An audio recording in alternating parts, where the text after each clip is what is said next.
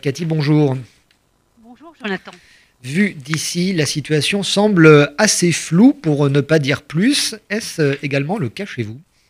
Exactement, c'est pas seulement vu d'ici, c'est pas seulement vu de France et de l'étranger, c'est également euh, les Israéliens qui ont l'impression véritablement de mots très célèbres en Israël, balagan, euh, ça veut dire un peu tohu C'est un titre d'ailleurs qui avait été pris par plusieurs quotidiens israéliens juste le lendemain de ces élections.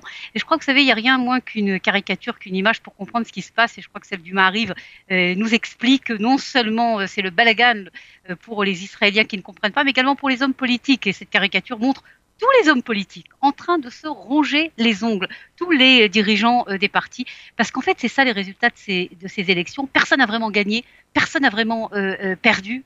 Et dans euh, cette quadrature du cercle, il faudra évidemment trouver une solution et ça ne sera pas très facile. Il faudra beaucoup de créativité, également beaucoup de concessions euh, des uns euh, et des autres pour arriver à trouver une solution. Alors aujourd'hui, alors nous parlons, qui a intérêt à former ce futur gouvernement? Alors là, vous posez une question passionnante parce que euh, si vous aviez posé la question il y a quelques semaines, tout le monde vous aurait dit, euh, bah, chacun d'entre eux, euh, Benjamin Netanyahu veut être celui qui va former le gouvernement et Benny Gantz veut être celui qui va former le gouvernement. Or, qu'est-ce qu'on voit depuis quelques heures Cela évidemment peut changer, Jonathan, c'est que et Netanyahu et Gantz font tout pour pas être le premier. Pourquoi Il faut poser la question parce que l'évaluation dans cette situation tellement compliquée est que le premier qui va être choisi aura beaucoup de mal à, à former un gouvernement alors que le second, alors qu'on s'approchera de la date limite, ce sera ou un gouvernement ou des nouvelles élections, lui, le second, arrivera à trouver euh, peut-être euh, une solution.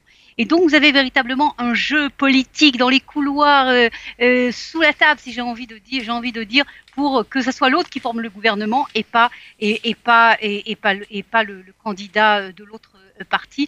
Ce qu'il faut comprendre dans la situation juridique qui, qui se développe en Israël, c'est qu'en fait, c'est le président, je crois que pour la première fois, de l'État d'Israël qui aura un rôle majeur, parce que c'est lui qui va choisir, ou Netanyahou, ou Gantz, parce que les chiffres, si vous voulez, donnent véritablement égalité les uns et, les autres, l'un ou l'autre, et c'est donc euh, Rivlin qui va dire qui formera le premier, le gouvernement. Reuven Rivlin qui euh, évidemment euh, tranchera. Néanmoins, la liste euh, unie des partis arabes israéliens semble aujourd'hui bel et bien en position de faiseur de roi.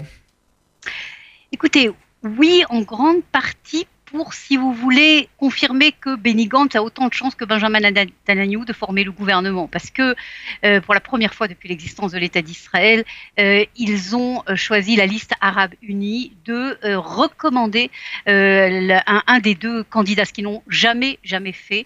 mais s'il faut mettre un bémol à ce choix, parce qu'ils sont 13, si vous voulez, c'est ça qui donne la majorité à Benny Gantz face à Benjamin Netanyahu, il s'avère que dans les 13, parce que c'est en fait quatre partis arabes qui se sont ils ont eu 13 députés. Un des partis Balad, qui est le parti le plus extrémiste, qui soutient des terrorisés palestiniens, etc., eux, euh, se sont démis de ça. Ils ne veulent pas soutenir, ils ne veulent pas recommander Benny Gantz.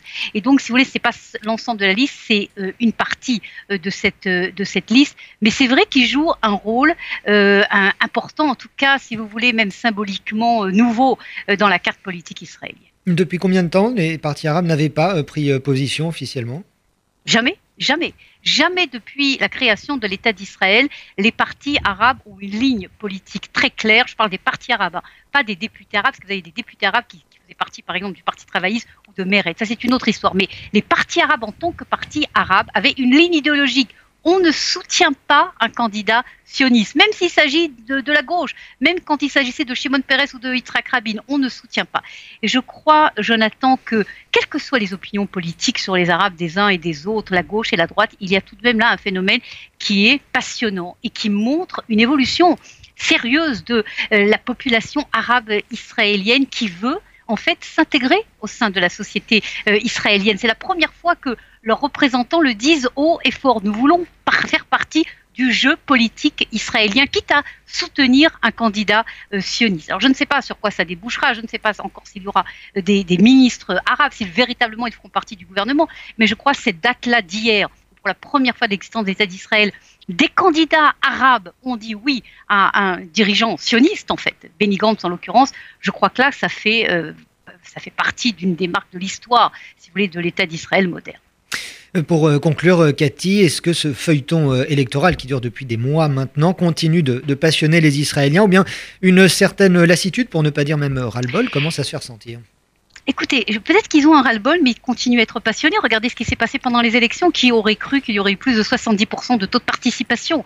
Et donc, les, Israéliens s'intéressent à ça. Je crois que, d'une manière générale, si vous me demandez qu'est-ce que l'on sent dans la rue israélienne, il y a une volonté, si vous voulez, de mettre un terme à des années et des années où il y a eu beaucoup de violence morale euh, dans le discours des uns et des autres d'ailleurs, à gauche et à droite. Véritablement une volonté d'union nationale. C'est pas seulement, si vous voulez, la logique des chiffres qui doivent mener à l'union nationale. Vous avez véritablement une volonté au sein de la société israélienne de faire une tentative de quelques années du modèle Yitzhak Shamir, euh, Shimon Peres, de nouveau d'arriver à une union euh, nationale. De toute façon, c'est clair que c'est soit l'union nationale, on ne sait pas très bien qui dirigera l'union nationale, s'il y aura une alternance ou non, mais c'est ou l'union nationale ou des autres élections. Et je crois que c'est clair que les Israéliens veulent absolument une union nationale.